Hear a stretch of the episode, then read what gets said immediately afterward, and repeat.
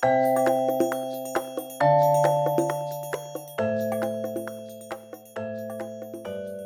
dwi'n clywed ti hor. Dwi'n ei Chris, dwi'n iawn. Fi'n iawn, diolch yn fawr. Ti'n iawn? Greit. Mae ma, ma hwn dal yn bach yn, yn byd wahanol i fi, ti'n fawr, y cyfoddodd yma ar y blaen.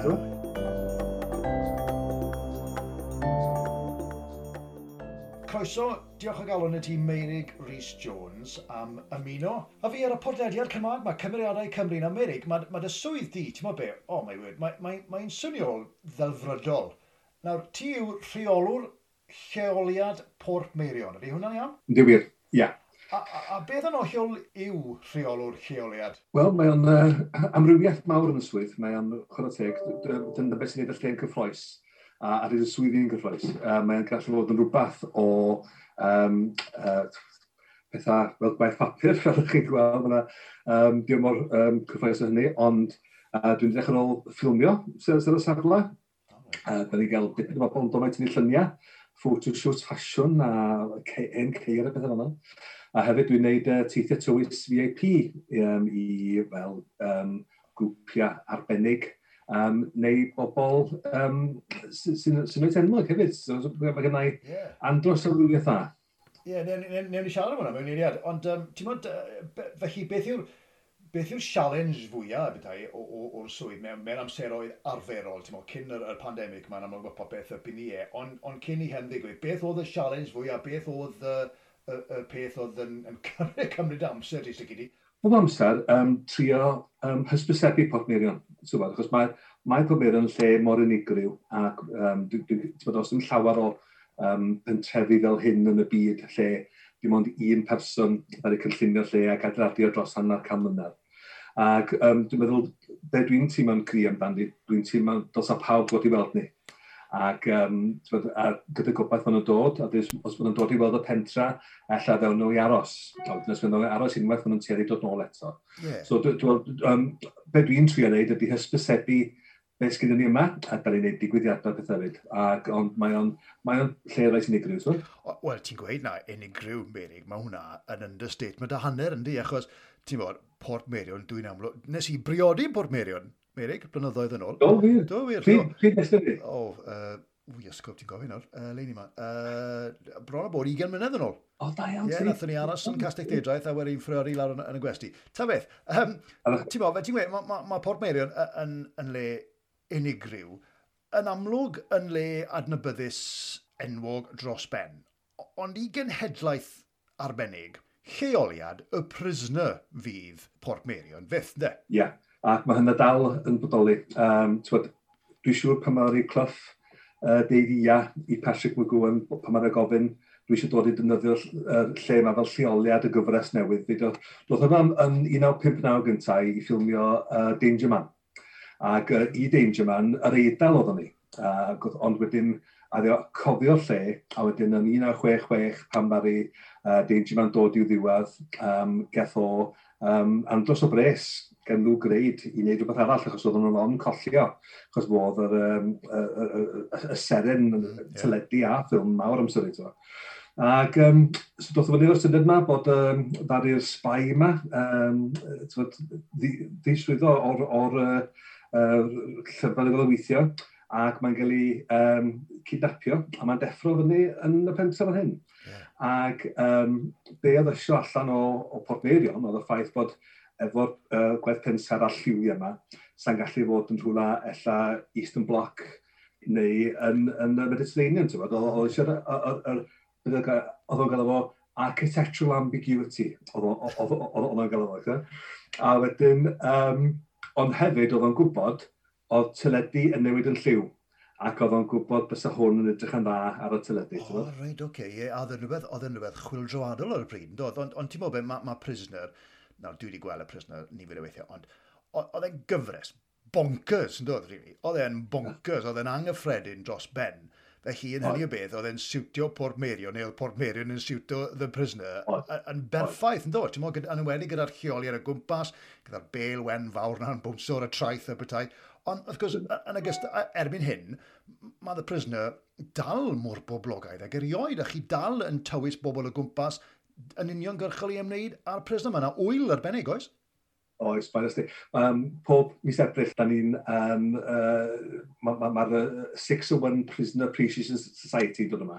Ac maen nhw'n cymryd dros y lle am penwthnos, a maen nhw yn uh, gyn i gwisgo yn y dillad, mae gen, ma nhw'n dod efo'r mini mokes, mae gen nhw llwyth o rover balloons, ac maen nhw'n um, ail gwneud y, y, y rhai o'r um, sy'n mwy pwysig yn, yn y busnes, fel y, er, er, um, gêm gwyddbwyll um, a hefyd ar y, ar y free for one election, election parade. So maen nhw'n neud llwyth o bethau hwnna, a maen nhw'n dal yn edrych, maen nhw'n mor iconic, mae ma ma bobl yn dod dod i weld nhw, mae o'n rhywbeth sy'n mynd i cadw ymlaen, ti'n siwr. Ie, ond gwrdd pob parch i ti, byddwn ni'n meddwl bod ti'n ar y pryd yn ystod prisoner, o ti? A nag na, nag o'n, yn y 70au, ac o'n i'n abod y peth, oedd Maggie yn partner i, ond oedd hi yn hogan fach, yn byw yn Trasana ar draws y morid, ac oedd hi'n cofio um, y pentra gyd yn mynd allan, ac oedd hi mewn, mewn um, cadrolfi fach, ac um, yn weld nhw'n ffilmio ar, ar y tywod, bod, lle oedd nhw'n yn dreifio ar Minnie Mokes ac yn llecho'r y rover balloons, efo, five foot weather balloon yn ydi, tywod, yeah, ac yeah, um, sure, yeah. um, efo, efo, efo tyrbau mawr i trio, tywod, hwn oedd yn, mynd ar ôl Patrick Gwyn i i, i, i gael yn ôl y peth. Ie, na ti. hynny o beth yn, Mary, beth o dy swydd i cyn dod i Bwrt Mary, o lle, o lle ddes ti y bethau, lle, lle nes ti gael dy fagu yn dygyd? Wel, yn tywyn, uh, mae bydda fi tywed, merionedd gysyn, gysyn dwi'n i fyny, ac ond oedd yn haid a nain yn byw yn Llanbedr. So, um, es i gweithio yn maes awydd Llanbedr yn uh, 1983 ar ôl gorffan yn coleg yn Bangor. Ac uh, So ie, yeah, o'n i yna tan 2004.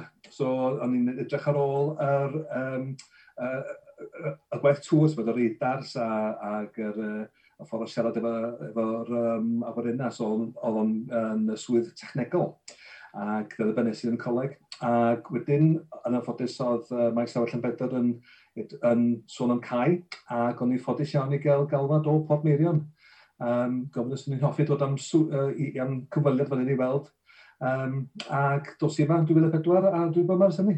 Ti, chwarae teg i Robin, de. Chwarae, chwarae teg i'r teulu Llywelyn. Ond, ti'n meddwl... Ie, Ie, a ti'n ni'n sôn am, am Patrick McGowan a Leo McCurn a'r bobl enwog, mae'n aml sydd oedd yn rhan o'r prisoner, fel rhan o dy swydd di ar hyn o bryd ti'n delio gyda a bobl, ti'n meddwl, enwog ar adnabyddus, ond on, nes i bach o ymchwil yn amlwg, dwi'n nabod pob Meirion yn dda iawn, ond nes i bach o ymchwil cyn, cyn mynd mlaen ar, ar yr alwad yma, a mae yna bob fath o bethau wedi cael ei ffilmio yna, dos? O, o, o um, cyfres The Celts a cwbl ffilmiau, a lot, lot o pop videos. A mae ma un pop video sy'n sefyll allan i fi, Iron Maiden. Sut yn y byd nath Iron Maiden ffilmio yn Port Merion? Ddim yn gwein siwr. Ie, yeah, oedd Bruce Dickinson yn hoff ofnadwy o'r prisoner. Ah, Right. Ac uh, so nath nhw'r can The Prisoner a wedyn doth nhw mae'n neud y fideo o'r, or, or, or can. A wnaeth o'r rhaglen teledu dwi'n credu amdano yr un amser. Ie, ie, ie. Gwydda fi, sut mae'r pentre yn cael ei weld Wel, sa'n bod yw'n ddadleol na. Mi'n mynd tre bod yn ddadleol fan hyn. Sut mae'r pentre yn cael ei weld efo y locals y bethau? Ydy nhw'n gweld e fel, fel rhywbeth tangedfennol i'r ardal a, ti'n modd, i'r economi? Neu ydyn nhw'n gweld e fe bach o, o poen yn penol? Cwestiwn da. Swn i'n meddwl y ffaith bod ni'n cyflogi 250 o bobl lleol, mae o'n ymgyflogwr fawr i'r ardal, right. ac da ni'n ffodus iawn o hynny, a mae a ffaith bod da ni'n gyn dwyieithog, so mae, mae, mae pawb yn, yn byw, yn bellach na rhyw 20 milltir i ffwrdd o lle. So mae o'n gyflogwr mawr i'r ardal. Um, Mae'n ma debyg pan oeddwn ni'n gwneud pethau digwyddiadau mawr fel gwrw i'r chwech, oedd hwnna'n gallu fod yn, yn, yn bach o treffethus i rhai bobl lleol, achos hwnna gymryd mwy o bobl o gwmpas 15,000 o bobl, ac hefyd um, yr holl traffig oedd hwnna'n creu. Mm.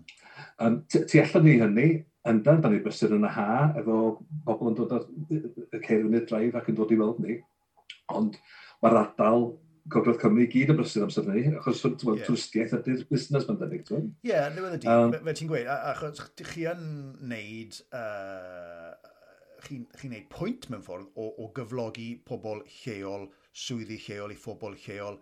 Uh, Mae'r staff, byddwn ni'n meddwl, gan amla yn siarad Cymraeg, ydy mae hwnna'n rhywbeth pwysig iawn i'r teulu a'r, ar bwrdd rheoli sy'n ni'n meddwl, ynddi? O, pwysig iawn, mae'r cyfodedd ni gyd yn Cymraeg, ac uh, Um, dwi'n meddwl, chwarae teg i'r bobl sy'n dod i aros efo ni, maen nhw'n wrth i bod clywed ni'n siarad Cymraeg, ac wrth gwrs, da ni'n dysgu yn bach o'n rhywbeth hefyd. Mae'n so, ma ma darn pwysig iawn i ni, dyma da ni'n uh, um, da ni'n deall mor pwysig ydy'r iaith i, i Gorfa Cymru, ac rhywbeth da ni'n gallu gwneud i, i uh, fod yn darn o hynny, mae'n ma, ma, ma i gyd yn ni. Ie, ie, ie. A, a mae'n mae, mae ffantastig uh, i rywun fel fi o dde Cymru neu unrhyw le rhan o Gymru i ddod i atyniad ac yn gwybod mae Cymraeg ti'n mynd i glywed yn gyntas bod efo rhan fwyaf o'r staff o leia. Sym lot fawr o lefydd yng Nghymru sy'n cynnig y fath naw o beth, os Elis Fesyn.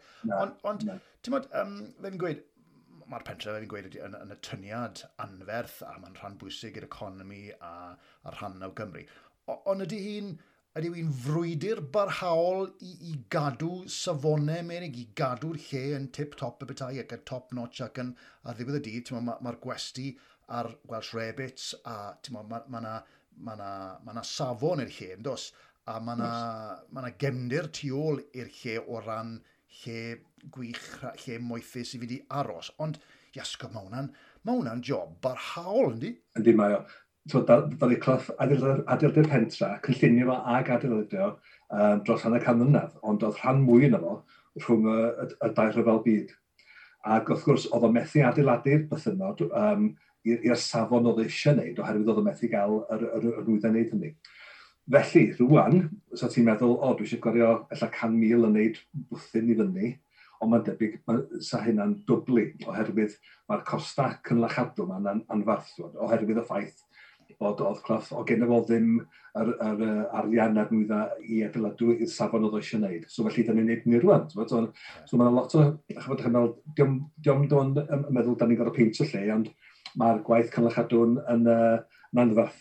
Yeah. O, chi eisiau mynd trwy paint, rhyfedd?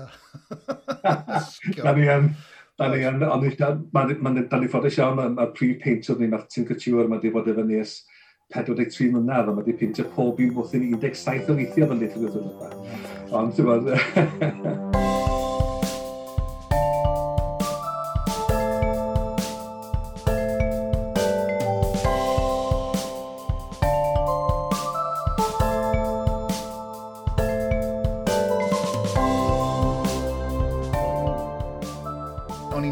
gyflym iawn yn gynharach ynglyn â petai na unrhyw wrthwynebiad, a mi'n siŵr bod e ddim. Ond, nôl amser gath ei i adeiladu a'i gynllunio, oedd Port Meirin, wrth gwrs, fe fi'n gweud, yn rhywbeth hollol wahanol, oedd e'n hollol bonkers, oedd e'n hollol anghyffredin, oedd e'n sefyll allan bach fel... Wel, sa'n siŵr am beth, uh, beth sefyll allan yn y rhan yna o Gymru ar hyd y tirlen, ar hyd yr arfordir, oedd na rhyw fath o wrthwynebiad pryd hynny amser oedd yn cael ei adeiladu ac yn cael ei gynllunio? oedd, oedd um, o bobl yn meddwl oedd o'n gall i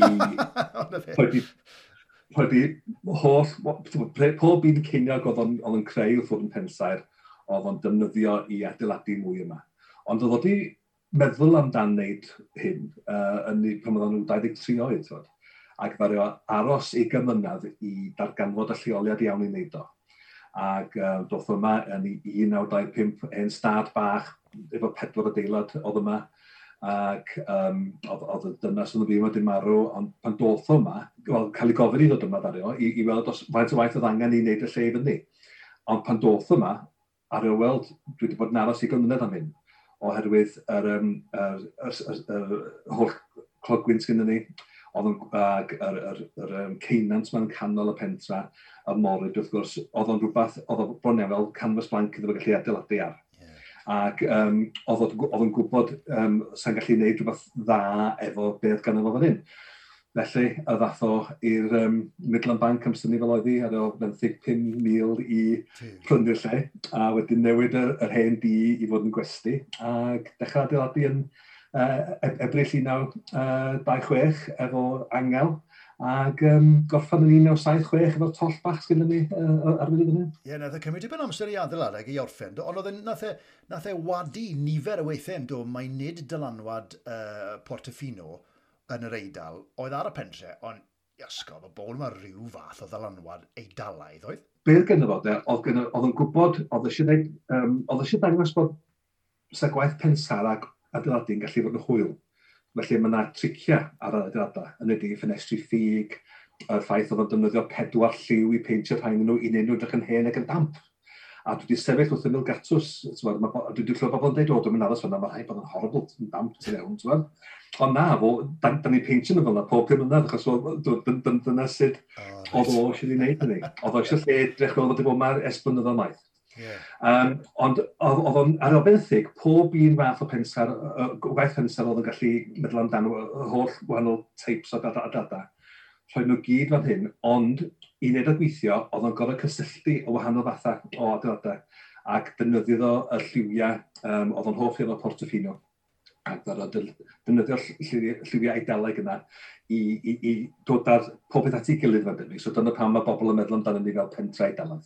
Ie, ie, ie, wrth gwrs, y pentre i dalydd yng nghanol Cymru fach, te. Ond be, beth yw'r beth yw cysylltiad yn gyflym gyda'r um, mynwent yr uh, anifeiliaid, just ar y gyrion yeah. bethau? Mae ti'n cael Ie, mynwent cwn fe, ie?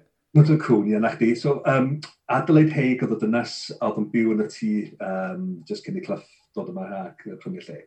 Ac oedd hi, ddim bach yn eccentric, oedd, oedd, oedd gen i 15 o cwn, ac oedd well yn hi cwmni cwn neu bobl ac um, oedd hi'n arfer darllen y Beibl i'r cwn, um, tu ôl sgrin yn y, yn y stafell uh, uh, yn, yn y gwesti. A dyn ddim deall pam oedd hi'n gwneud hynny, ond hi dechreuodd y mynwent cwn yma. Ac, uh, so, ac oedd hi'n rhoi cerig yn efo ar y uh, beddau'r cwn, ac oedd enwa hi a, hefyd, a, dylid Higgs, a dyn nhw'n gwneud dipyn y cwn ar nhw'r rotiad heb, dwi'n meddwl pam, ond offer yn ymwneud debyg. So hi ddechreuodd y mynwyd cwn. Oce, ie, ie, mae'n le, ti'n ma, gwefreiddiol, a mae'n golygu lot i fi yng Ngwraeg, a le i sawl un sy'n ei meddwl sydd wedi priodi na, sydd wedi dathlu rhywbeth yn ei gilydd na. Cleo, uh, sôn am bach o hwyl, gan i gael bach o hwyl um, nawr dden uh, Meiri, cyn mynd ymlaen, dwi'n rhoi deg cwestiwn bach cyflym i bob un sy'n dod ar y podlediad Cymeriadau Cymru yma a gei di ymaleithu os ti eisiau, ond uh, na i roi'r cloc mlaen nawr. Right. Rygbi neu pel droed? Pel droed. O, oedd bach o seibiant fyna, Merig. Wel, mae'r dai'n greit ydyn nhw'n... Ie. Pel droed ar y tro. Ie, wel, hogyn o'r gogledd, pel droed, ie, sy'n ni'n meddwl, ie. Wel, o'n i'n gwneud rygbi mwy na pel droed pan ni'n yn ysgol yn Ond, ond, ie, pel droed. Pel droed, wedwn ni pel droed, reit. Gwyn gwyn neu gwyn coch? O Coch. Da iawn. Pwy se ti'n dweud sy'n ni'n rhoi ti ar y spot i ti'n edmygu fwyaf? Trwy ffordd dwi'n gweithio, dwi'n edmygu clyff oherwydd mae eto honno ni fysa wedi cael syniad o adeiladu pentra ac wedi gallu leid o dros hanner cyfnod. Mae hwnna'n yn, yn, yn, rhywbeth arbennig, ti'n bod? Ac y mwy dwi'n deall ac yn clywed amdan clyff, mae hwnna'n rhywbeth uh, ti'n byth yn dysgu digon, ti'n dysgu pob dydd, a mae hwnna'n anadarchog. Um, o ochr cerdd, dwi'n dwi, dwi hoff iawn a dwi wedi dwi bod yn ffodus iawn i cwrdd bod bobl Paul Weller, um, ond yn, yn, um, mae o'n un dwi wedi tyfu fyny efo, os wedi'n mynd i, i, i waith cerddol, ond mae'n gymaint. Oce, okay, wel, ni siarad am cerddoriaeth, yn gwybod mae cerddoriaeth yn, yn, yn, yn ddiddordeb mawr gyda ti, ond y cwestiwn nesaf, felly mae hwn bach yn, wel, wedi bod yn hawdd o dibynnu llew ti dwi, cerdded y mynyddoedd neu cerdded ar y traeth? Mynyddoedd. Yeah. Oh, yeah. Okay. Er bod y traeth fanna?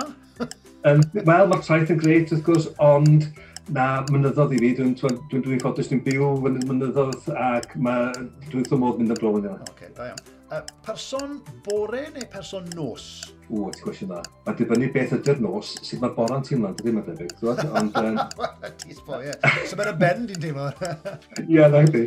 Um, dwi'n wrth o modd mynd i cyngerdda, so mae'n debyg person nos. Oh, okay. Cwn neu cathod? Um, dwi wrth y modd efo'r efo ddau, ond mae debyg cathod. Um, eto, os yn un ti ar y spot, be sy'n ti'n dweud i ti wedi gyflawni fwyaf? Beth ydy'r gyflawni a'n mwyaf di? Mae'n gwestiwn bach odd, ond... Oh, ia. Yeah.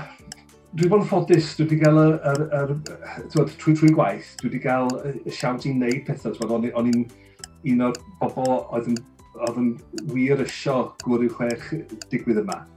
Ac trwy hynny, mae'n debyg fod yn, yn, yn, dim bach yn... yn uh, Wel, o'n i'n o'n i'n wir meddwl sy'n yna i'r lleoliad ac i'r er ardal, ac oedd o.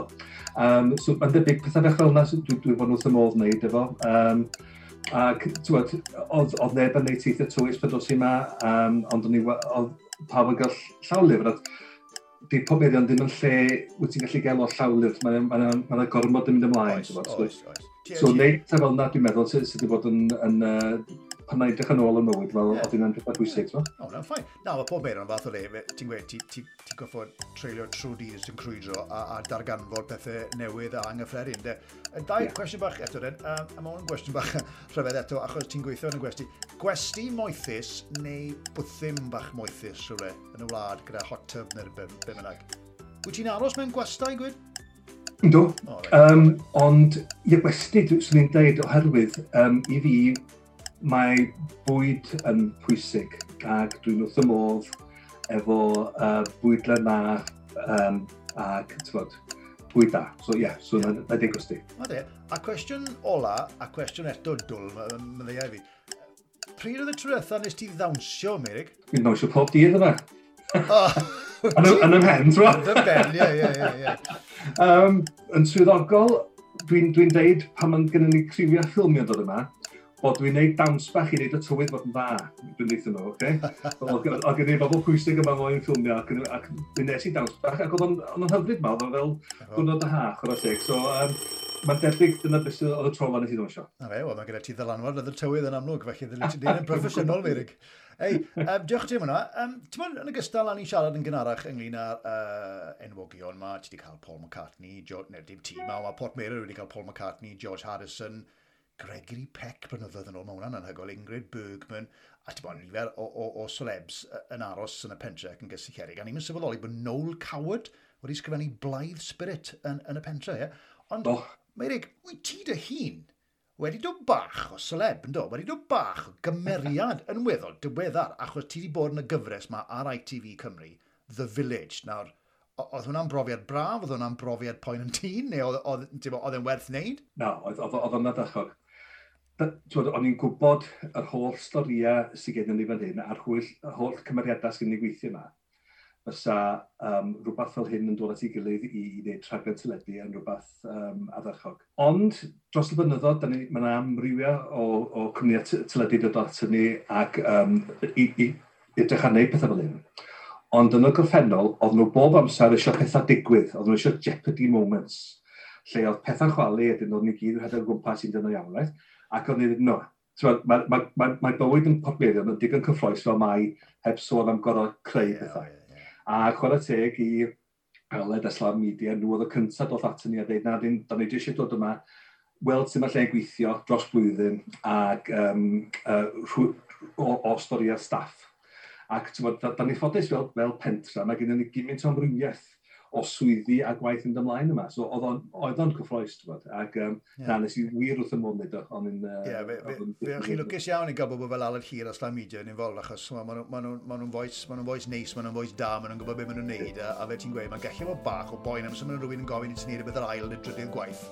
Mae'n ma, ma bach yn ffals fel ynddi, ond uh, fi'n meddwl bod, bod uh, The Village wedi, wedi rhoi hwnna ar draws o gwbl. Thank you.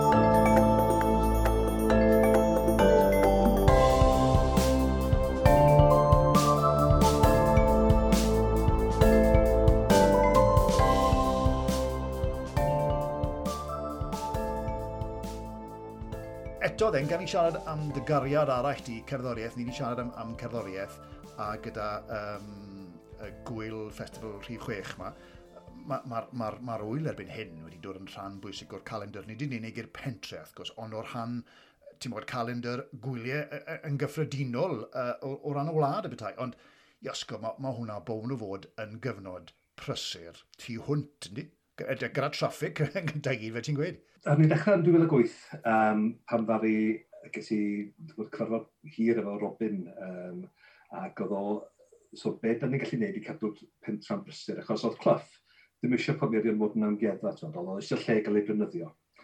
Ac o'n i, wrth gwrs, yn, yn hoff iawn o'n mynd i gyfrif i, i, i, i cyngerdda ac um, o gwaith cerdd. Ac o'n i'n meddwl, dwi'n siŵr sy'n dipyn o, o grwpiau eisiau dod yma i chwarae. So ddar ni dechrau 2008 wneud cyngerdda bach yn y neuad ni. Um, a dyn, dwi'n meddwl, yn gyntaf oedd uh, The Peth efo Rhys Stevens. Uh, oh, right. A wedyn, y munud a'n ei dechrau, ges i mwy o mwy o, o bobl yn gofyn, o, cwneidio dwi'n chwarae yna. A dwi'n yr ail cyngor nes i trefnu oedd Steve Harley, a'r cochli Red Ac os eto, oedd o'n wedi tyfu fyny efo'r prisoner yn holl iawn o beth. So ddaru ni Caren ymlaen, ond wedyn wrth gwrs mae'r neuad ddim ond yn gallu dal cant hanner o bobl. So sut wyt ti'n gallu rhoi new order yn y neuad efo dim ond cant hanner o bobl so wedyn ar ni dechrau trafod ar, ar lwgeth yn ddim yn debyg, doth um, Stuart McConey yma i sgwennu ddarn i Croeso Cymru am dan pob Mirion ac ddari es i fod pedwar awr a hanner o taith ac ar ei o deud yn diwedd pam ddech chi wedi gael wylynyddiaeth yma, a nosyniad gret, sy'n wedi achos efo Noel Coward disgwyl i Blaise Spirit yn efo.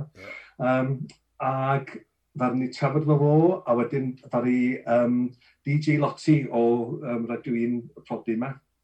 A mae gŵr hi yn rhedeg uh, Wall of Sound Records ac arnyn nhw dweud, wel, pam ddech chi wedi gael um, wyl uh, cerdd yma, achos mae'r lle yn arbennig i, i hyn ac um, chwarae teg ar nhw cyflwyni wahanol bobl, um, oedd yn gweithio bobl sy'n gwybod yr artistiad, bobl sy'n gwybod yr ochr technegol, ac um, dros dwy fwynedd ar ni trafod o, ac yn y cyntaf 2012. A, a faint o wyl dros, dros faint o ddyddiau mae'r wyl? Oedd o'n dros tri diwrnod dros dyn wythnos, di gwneud eich sadwn dysil. Na fo, yn amlwg fel yn ddiweddar, chi ddim wedi gallu cael yn amlwg, dim, dim llynedd a dim lenni. Uh, petai pethau nôl i, i normal, be bynnag yw normal, uh, uh, mae yna gynlluniau i, i ail ddechrau'r blwyddyn nesaf?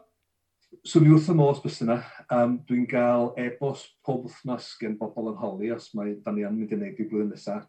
Um, Dwi'm yn gwybod ydy'r ateb ar hyn o bryd, ond um, dwi'n meddwl mae'r ma, ma lle mae mor unigryw, mae'n ma, ma, ma, ma lle mor wahanol i gael wyl yma sy'n gallu bod yn bech yn bonkers fel yma mai, ond mae o'n lle arddychog i wneud o, achos mae, chwod, mae, diolch fel dim ond pa bell ar cae, twa, mae gen ti'r pentra, ac yeah. mae, i, i weld o bobl enwog yma yn canu ar, ar y glofnes yn canol gets, yma, mae'n oedd yn arbennig. Ie, yeah, mae'n rhywbeth gwahanol i, i, i Glastonbury neu Reading Festival y fath na beth, e? mae'n hollol, hollol wahanol, ond ti'n meddwl ti'n sôn am, ti'n mwyn gwybod, yn amlwg mae'r cyfnod ddiweddar yma wedi bod yn anodd i, i, i lot fawr o bobl yn unigolion ac busnesau a tyniadau.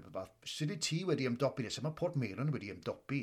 Chi di ail, uh, chi di ail agor mewn ffordd erbyn hyn arneg y ddoi y pentra do. Do, ond on, sut mae ma pethau wedi bod hynny yw bod, bod na ddim bobl yn cael dod i'r pentre, mae wedi bod yn anodd iawn di? Wel, ti'n meddwl, mae, mae beth yn gyfer yr wythnos gyntaf yn, yn, yn, pan wneud cae tro gyntaf mis Mawrth yn diwetha. Um, dim ond fi ag un person yn y toll oedd oedd i fewn. A na i beth anghofio sefyll yn canol o piazza efo'n efo ffôn yn ffilmio neb yma'n hanner dydd ar, ar dros Pyrthos Pasg. Ac um, dim ond yr adar, oedd o fel yr adar wedi cymryd os o lle. ond, ia, oedd o'n hynna erioed i digwydd, cos yn amser rhyfel tyn, oedd o lle'n brysur, ond on, oedd Clough yn cael yn y geia weithiau, pan oedd eisiau gwneud uh, gwaith adaldu pethau. Ond hwn oedd tro gyntaf 94 mlynedd i ni fod yma, oedd nid wedi cael ei gorfodi gau. Yeah. So hwnna'n rhywbeth um, wahanol iawn. Um, yeah, oedd o fel penod o prisoner, chos mae'n yna ma, ma penod o prisoner lle mae'n deffro y a mae'n agor y cyrtas, mae'n neb yma. O, neb yna. Ac oedd o fel na. O, oh, mae hwnna'n ma hwnna spooky, Meirig. Di mae o'n ti. Ynddo fe?